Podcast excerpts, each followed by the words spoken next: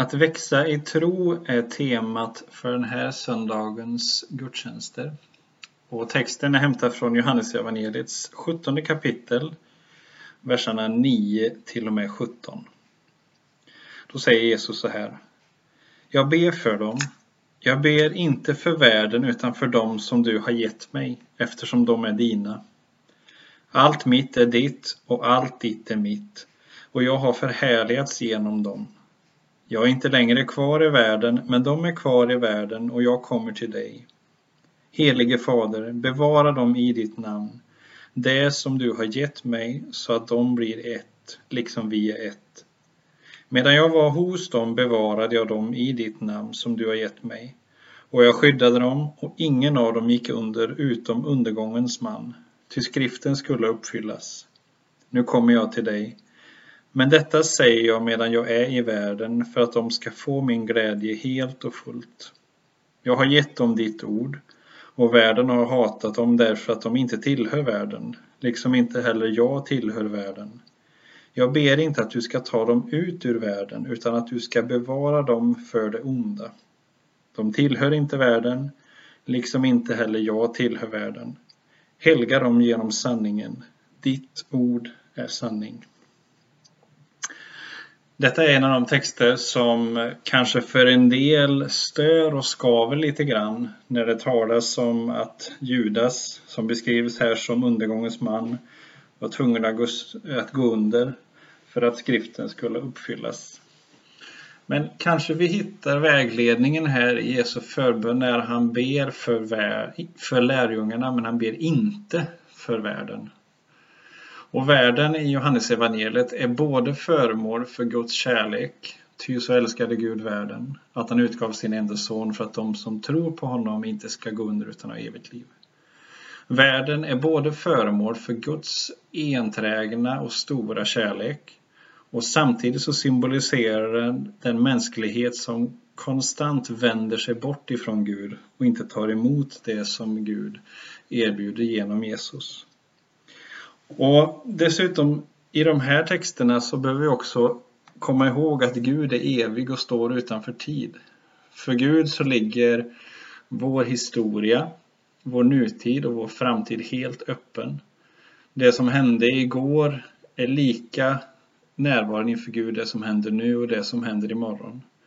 Så att en del av de här texterna som finns i Nya Testamentet som konstaterar så här kommer det att bli är en krass konstatering utifrån att människan släpper inte sin vilja, släpper inte efter och låter Gud visa vem han är, utan står, kvass, står kvar, står fast och styvnackat och liksom håller emot det som Gud erbjuder. Och på så vis så kanske detta kan hjälpa till just när vi pratar om att växa i tro. För djupast sett så handlar det inte om att jag ska rycka mig i kragen och på något sätt sträcka upp och, och spänna min tro.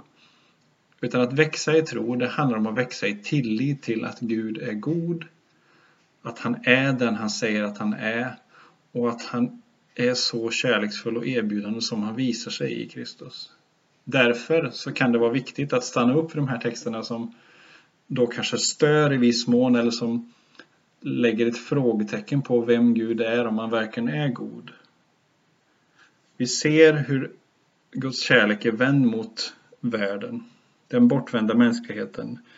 Där Judas är en av dem som på något sätt står så fast och blind i sin vilja att han inte förmår ta emot det som Gud vill ge utan hans bild av hela situationen verkar vara det som driver honom.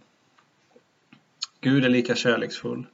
Gud söker, men han som är evig och står utanför tid kan bara krast och jag tror med en sorg konstatera att Judas väljer gå sin egen väg. Därför tror jag att de här texterna, det som Jesus vill ge oss här, att växa i tro, att växa i tillit och att låta vår vilja, som faktiskt är nyckeln i det här, att låta honom visa sig för oss så som han är. Därför är det oerhört viktigt att stanna upp inför de texterna, läsa om hur Jesus beskriver sig själv, hur han uppenbarar Faderns väsen, hur han visar vad mänsklighet är. För där föds tilliten till honom. Och där kan vi få mat för våran vilja, att våga släppa efter, ge honom handen och låta liksom den inviten som han ger oss få prägla oss djupare, dra oss in i det som är Guds eget väsen, som är gemenskap. Och så som Jesus säger, jag ber att de liksom vi ska bli ett. Att närma sig Gud, att närma sig Jesus, han som är full av nåd och sanning, gör också att vi närmar oss varandra och där vi kan få växa i en gemenskap som präglas av nåd och sanning. Så låt oss tillsammans få be, söka Gud och söka varandra och få växa i tro enskilt och gemensamt och söka hans vilja. Herre, låt din Ande få leda oss, inspirera våran vilja, ge oss klarsynthet, ge oss mer tillit till vem du är och hjälp oss att släppa efter och låt oss inspireras av dig så att du kan leda oss djupare in i sanningen så att vi erfar vilka vi är i dig och vem du är i oss. Det ber vi om i Faderns, Sonens och den helige Andes namn. Amen.